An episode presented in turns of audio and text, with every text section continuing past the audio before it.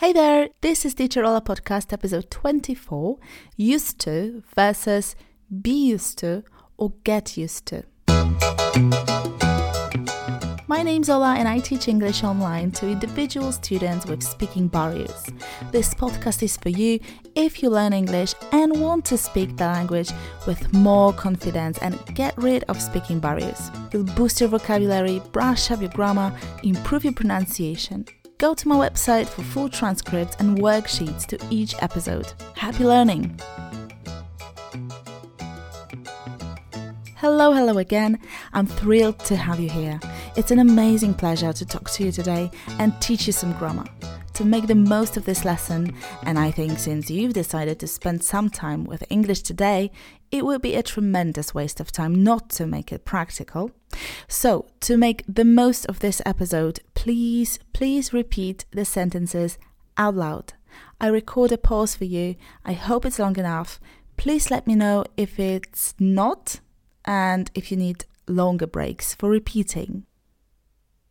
Used to, get used to, and be used to. Similar but different, hence confusing. This topic is crucial because you hear it everywhere. You need to feel confident hearing it as well as using it. Today, after this episode, you'll know what's the difference between them, how to use them properly, and in what situations. You'll repeat 20 plus sentences and learn that used to thing once and for all. Are you ready? Let's do it. Let's have a closer look at used to. This is grammar. It's pure grammar treat it as another grammar element. It works just like past simple, okay? It's past, it's done, it expresses past habits, things you used to do some time ago. It wasn't done just once, it was a repeated action, a habit. The thing is, it doesn't happen any longer. Sounds like past simple, huh? And you're right, it works like past simple. The idea you express by using used to can be as well expressed by a past simple sentence. I always say that used to is a fancier way and it shows you have a better grasp of English one level higher. For example, and repeat after me, I used to travel to Nova Scotia when I lived in Canada.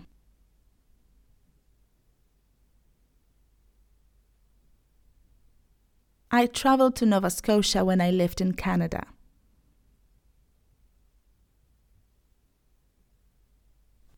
Once again, it expresses past regular actions, let's call them habits, and they don't happen anymore.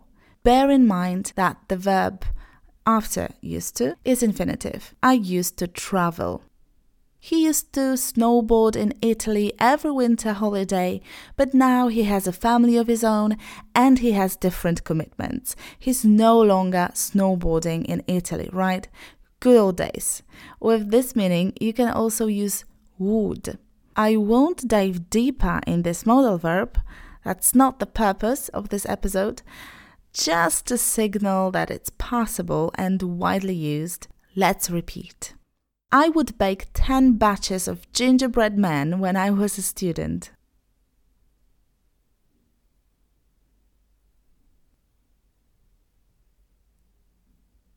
She would always call me on Saturday evening to check up on me.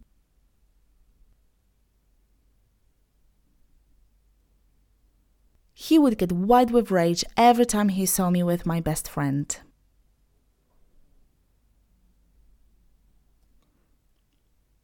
Second of all, we use used to to describe states from the past. Not only actions, but also situations from the past. They are no longer true. Let's see some examples. I used to think about moving abroad. My sister used to have blonde hair. I don't consider moving abroad anymore, and my sister is no longer blonde. It's all past. Now, how to formulate negations or questions? Remember what I said before? Used to works exactly like past simple. Negative form is didn't, and the question form is did. One more thing to keep in mind in questions and negations, the form of the verb is infinitive, of course. That's why did you go, for example. Hence, did you use to? So instead of used to, used to. Did you use to? Let's practice, shall we? I didn't used to smoke in primary school. She didn't used to visit her family members for some time. We didn't used to sleep in separate bedrooms. Did you used to travel in your childhood? Did your parents used to spend time with you?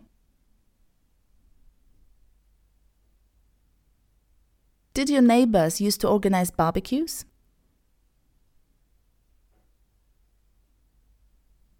Be used to or get used to is a different story. It's not grammar, it's vocabulary.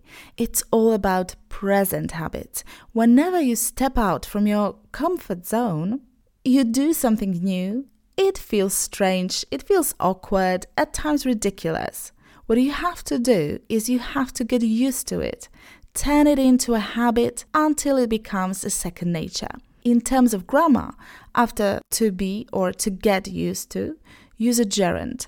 I mean, you can be used to things, but you can also be used to doing some things. That's the gerund, ing ending. This is all theory. Let's see how it works. Practice makes perfect. Please say these sentences out loud. I'm not used to being alone in the house. I have to get used to my new calendar. She's used to be going to bed after midnight. As you probably noticed, get used to or be used to can be used in various tenses present, past, and future with modal verbs, etc., treated as a vocabulary item rather than a grammatical structure. Repeat even more sentences. How come you got used to living here? It's filthy. You can't get used to being mistreated. You have to stand up for yourself.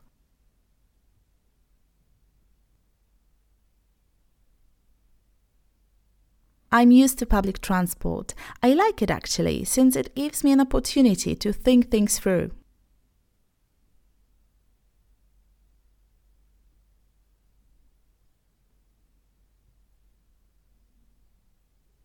They've been trying very hard to get used to living with a flatmate.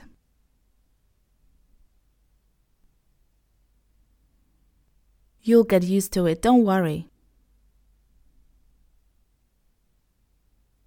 I wasn't used to reading when I was a kid. We'll have to get used to smog because it's not going anywhere, face it.